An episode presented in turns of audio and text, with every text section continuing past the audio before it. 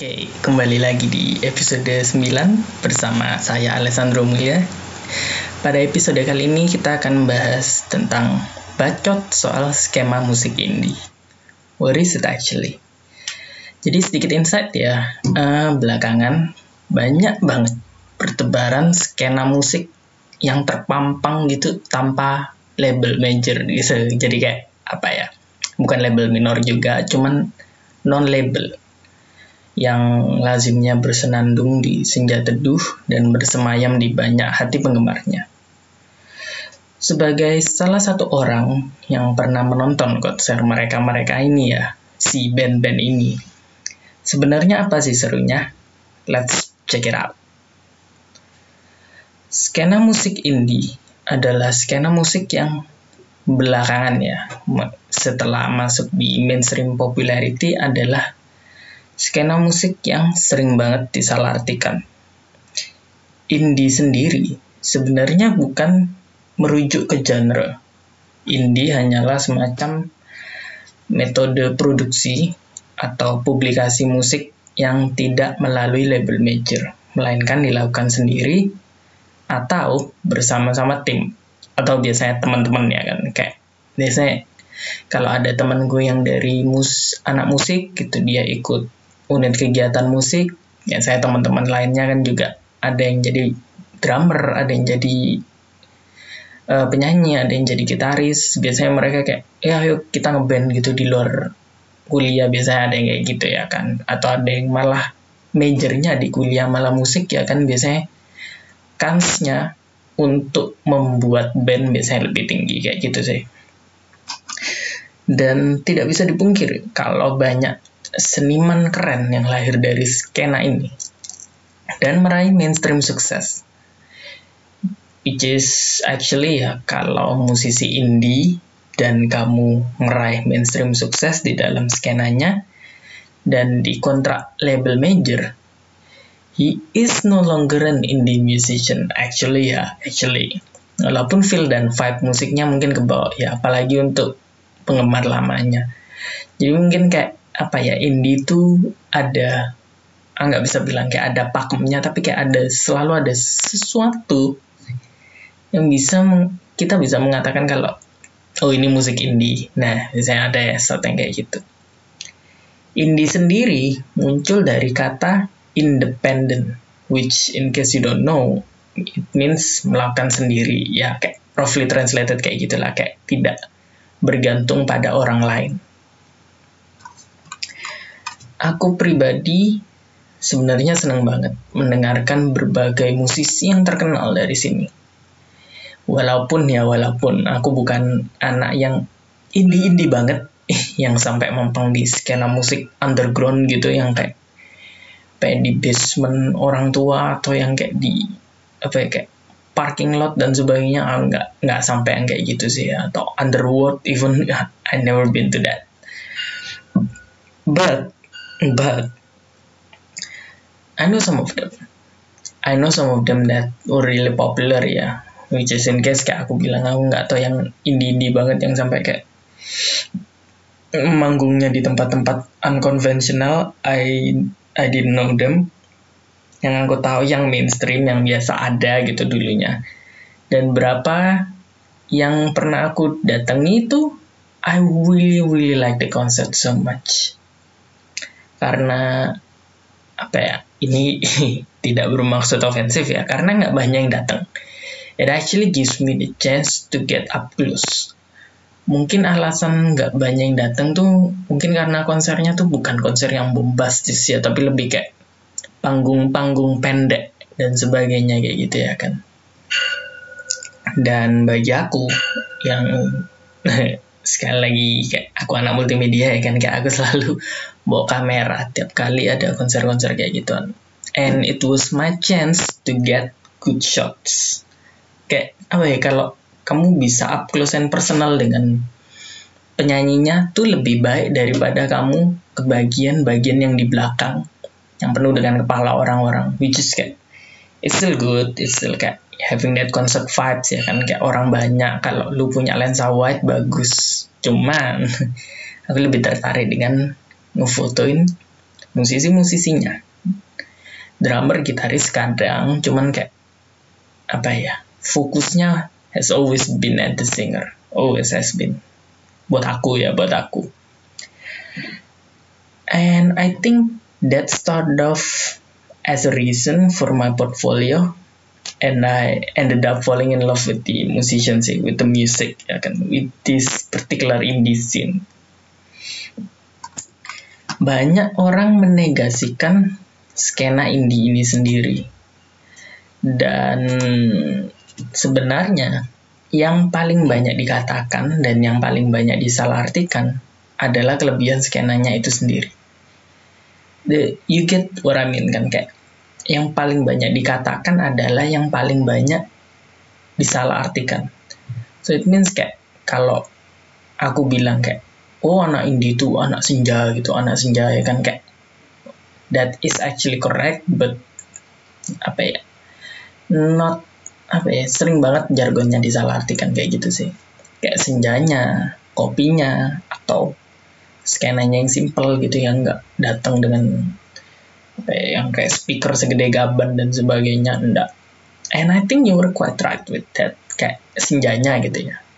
Kayak konser-konser indie always feels serene.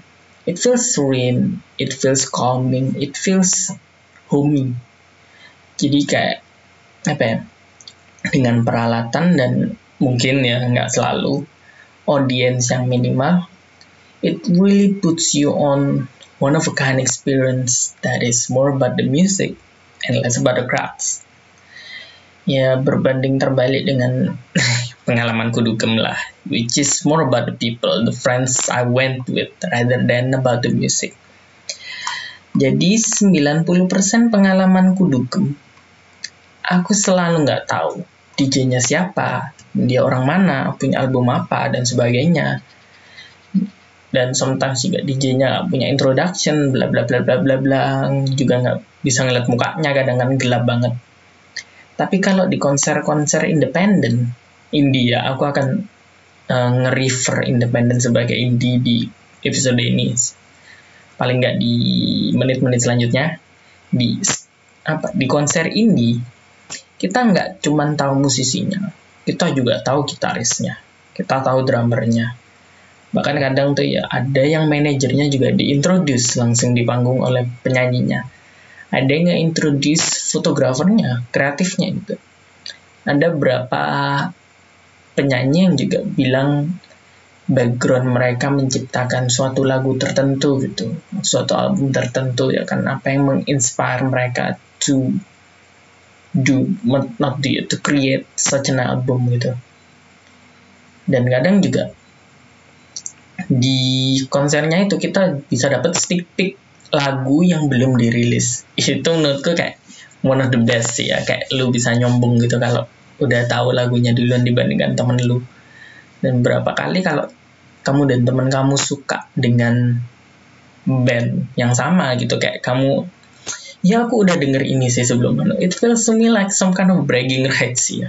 Mungkin tapi aku nggak pernah bragging tentang itu sih ya tapi it may be it can be like that sih ya. what I'm saying is that it felt like a personalized experience tailored for your liking.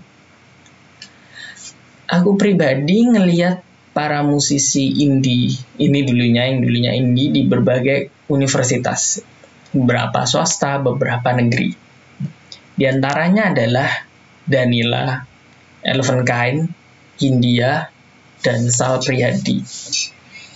One of my experience adalah waktu Eleven Kind tuh ya. Hujan turun tuh. Kalau nggak salah saat Bam lagi nyanyi True Love rasanya. It felt so real with all the raindrops coming down kayak apa ya pengalamanku ya buat kalian yang belum pernah konser it was really worth it kamu selalu mengingat semua konser yang pernah kamu datangi be good or be bad ya kan? Atau kalau kalian pernah datang di apa tuh konser yang grow down so badly apa sih? Lala lala fest lala land kayak gitu ya kan yang kayak katanya jelek banget but at least you remember the experience. Konser is always about that it's about the experience. Kayak sampai sekarang bertahun-tahun kemudian aku tetap ingat berbagai pengalamanku dalam berbagai konser-konser lainnya. Apa ya? Pengalamannya tuh uh, bukan sama. Mirip. Tapi not kayak pinang dibelah dua but you understand that there are some differences gitu. Kayak lu tetap pulang dengan perasaan yang seneng cuman kayak senengnya beda gitu. Dari musisi yang berbeda-beda guyonannya juga beda-beda dan sebagainya gitu. Sementara yang konser lainnya konser lainnya merujuk yang tidak relevan kan itu saja. Kan saat sore dengan angin semilir-semilir ya kalian tahu stereotip skena indie indie kebanyakan lah ya I suppose Padahal didn't say kalau konser indie itu pakemnya kayak gitu ya. Atau harus kayak gini. Enggak gitu. Cuman kebanyakan kayak gitu. Dan um, to be honest, I'm quite content with that. It's good. It's good. It's really good. I'm just saying that it has happened to me several times that ya mungkin masuk akal ya kalau konser indie kebanyakan settingannya ya kayak gitu maybe. Mungkin ya mungkin. Kebanyakan yang aku datengin kayak gitu. Sebenarnya aku berharap mungkin ya tahun depan bisa ngelihat 420 atau Ardito Pramono. Minimal lah ya mungkin satu dari antaranya good. Dan ah nggak tahu ya. Aku juga ada keinginan untuk ngelihat band. Sebenarnya sebelum line up mereka berubah which I know it will be impossible ya kan? Tapi begitu tahu kayak line up sebuah band berubah aku tuh kayak missing gitu. Aku kayak FOMO gitu fear of missing out gitu. Kayak aku nggak pernah ngerasain band ini dalam line up lamanya. Walaupun kayak ya there's no turning back sih ya. Cuman I really want to see the band with their previous lineup ya kan seperti Payung Teduh waktu masih sama Mas Is atau Hi-Fi waktu bersama Kak Dea dan I think Nah, that I think of it, it's not entirely impossible ya kan, karena belakangan Killing Me Inside aja bisa reunion gitu. Setelah beberapa tahun nggak pernah nggak pernah konser bareng. Kayak itu udah lama banget sih ya Killing Me Inside tuh waktu aku kecil dan sekarang mereka reunion. It gives me an example that ya yeah, maybe it's not that impossible. Aku nggak tahu ya, finger cross aku bisa ngelihat mereka suatu saat. Jadi insight-nya. So what is it? This indie thing. What does it mean? Buat kalian yang sampai sini sudah bisa berkesimpulan, oh ternyata indie itu merujuk ke independensi toh, bukan genre musik. Ya mantap, 100 buat kalian. Dan menurutku pribadi ya, sebuah kata di sini aku merujuk ke indie itu sebenarnya bisa berkonotasi banyak. Toh yang membuat kultur dan arti kata-kata, slogan, jargon, dan sebagainya adalah sosietas dan masyarakatnya sendiri. Kita yang memberikan makna terhadap kata itu, itu adalah kayak apa ya? Fenomena sosiokultural. Itu. Itulah kenapa kita bisa dapat istilah ngalam, sokin, anjay, dan sebagainya. Ya kan? Jika suatu saat kata indie lebih dikenal sebagai pelopor genre musik calming ya menurutku kenapa enggak itu bisa lebih menegakkan halayak umum kepada skena permusikan unik satu ini dan menurutku ya ini juga lebih ke apa ya hmm, sebagai experience personal experience kepada muda-mudi gimana sih aku akan memparafrasekannya ya kan. Indie merupakan salah satu alasan, at least for me ya, muda-mudi bisa mencari sebenarnya band apa sih yang mereka suka. Apa tipikal konser yang bakal mengena di hati mereka. Dan kayak berbagai pertanyaan lainnya yang harus dijawab dalam periode mencari jati diri ini. Karena biasanya muda-mudi juga adalah anak-anak yang sedang mencari jati diri gitu ya kan kayak quarter life crisis dan sebagainya I have felt that several times during this concert kayak mereka mempunyai lirikal yang tajam jadi kayak waktu Hindia ya kan? Hindia tuh waktu lagu secukupnya itu kayak ngena banget sih. Atau Sal Priadi waktu membawakan lagunya yang dengan Nadine Amiza ya. Amin paling serius it felt to me like apa ya ini adalah perasaan yang aku nggak bisa dapet di konser-konser gede. It spoke to me to a very personal level about their experience gitu dan mostly sekarang banyak banget musisi indie yang datang dengan awareness about mental health. And I really love it. Musisi kayak ya Hindia tadi. Terus Kunto Aji juga. I really love what they are doing and I hope this sparks an acknowledgement tentang mental health issue ya kan? Dan salah satu alasan kenapa isu ini bisa ngena adalah karena kemampuan lirikal band-band independen ini yang biasanya lebih mengarah kepada yang filosofis dan puitis yang nggak cinta melulu dengan tidak dengan with no disrespect ya. Dan ini juga salah satu yang sering disalahartikan sih ya karena kayak banyak banget pengagum senja ini selalu mengatakan selalu nge-upload snap gitu dengan kata-kata puitis dan apa which some of the time doesn't make any sense at all. And some other times it is really good and touching and things like that gitu. Mungkin ada beberapa mungkin yang membuat kata-kata itu dan kayak it doesn't make sense at all. And I think it's good. I think it's still good ya. Kayak a, a few bad apples spoils the bunch. Pasti ada anak-anak lain yang juga tertarik dengan skena indie yang juga mungkin bisa menjadikannya inspirasi dalam buat puisi ya kan aku pribadi belum pernah membuatnya inspirasi dalam puisi. Eh, satu fun fact ya, jadi aku pernah bikin buku puisi. Satunya udah terbit, udah dipublish. Satunya aku rilis di Wattpad. Dan aku belum pernah bikin puisi yang terinspirasi dari eh bikin puisi yang terinspirasi dari para band-band skena indie ini. Might try that later ya, tapi nggak bisa dipungkiri kalau memang lirikal mereka tuh bisa inspire others to do things. At least for me at least for me. Dan skena indie yang bermunculan juga berpengaruh baik bagi mereka yang tidak berkesempatan mengenal band-band non-mainstream atau dengan sinonim lain si band indie ini. And in such case, kepopuleran band-band indie kesayangan kalian juga akan membantunya dikenal label major ataupun mendapatkan porsi audiens yang lebih banyak lagi. Dan semua itu akan membantu skena-skena ini semakin naik ke atas lagi.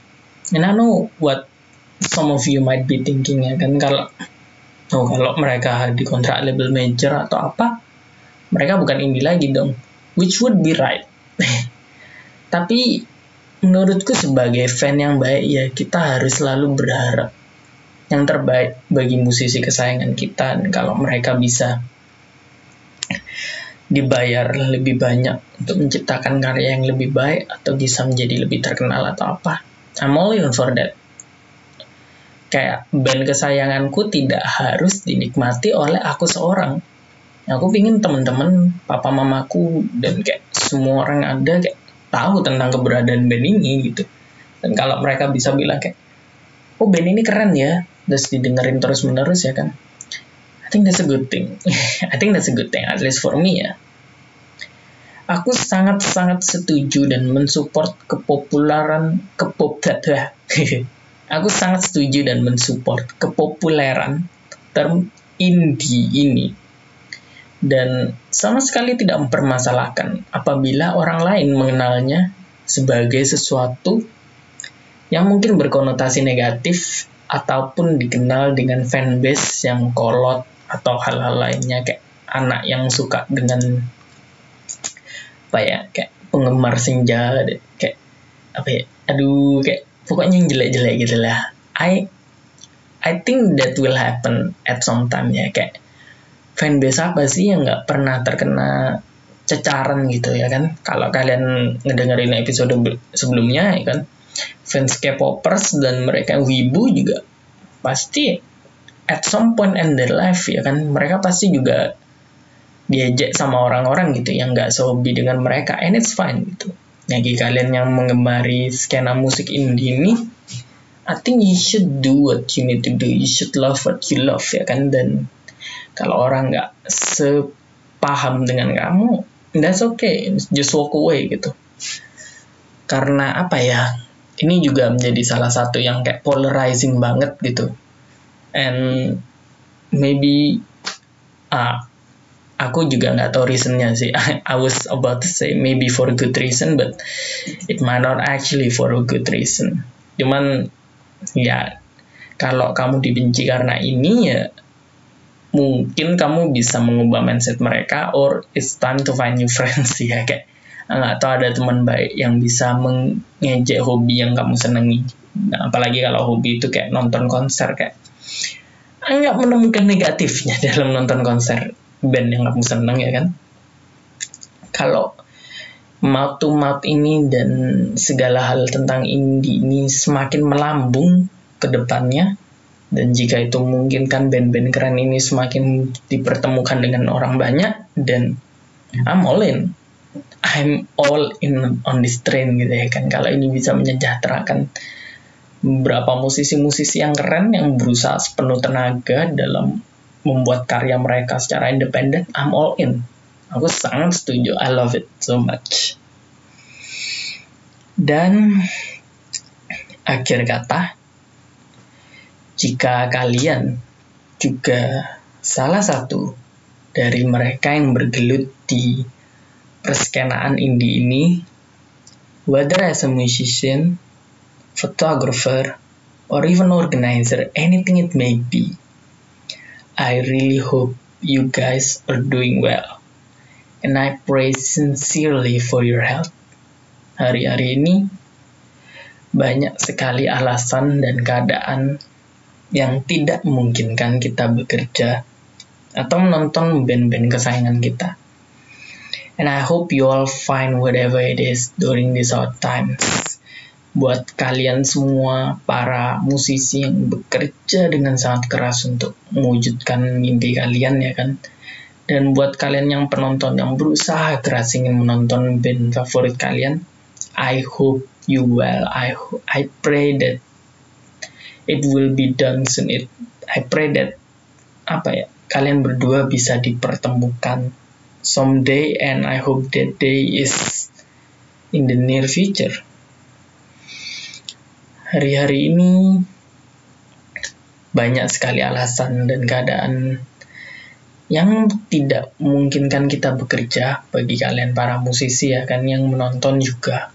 I hope you all find whatever it is during these hard times.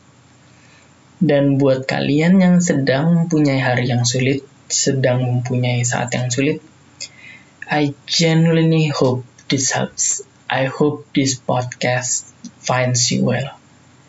Just remember that you are awesome in your own way, and all of your hardships, all of your hard works, all of your sweats will be worth it in the end.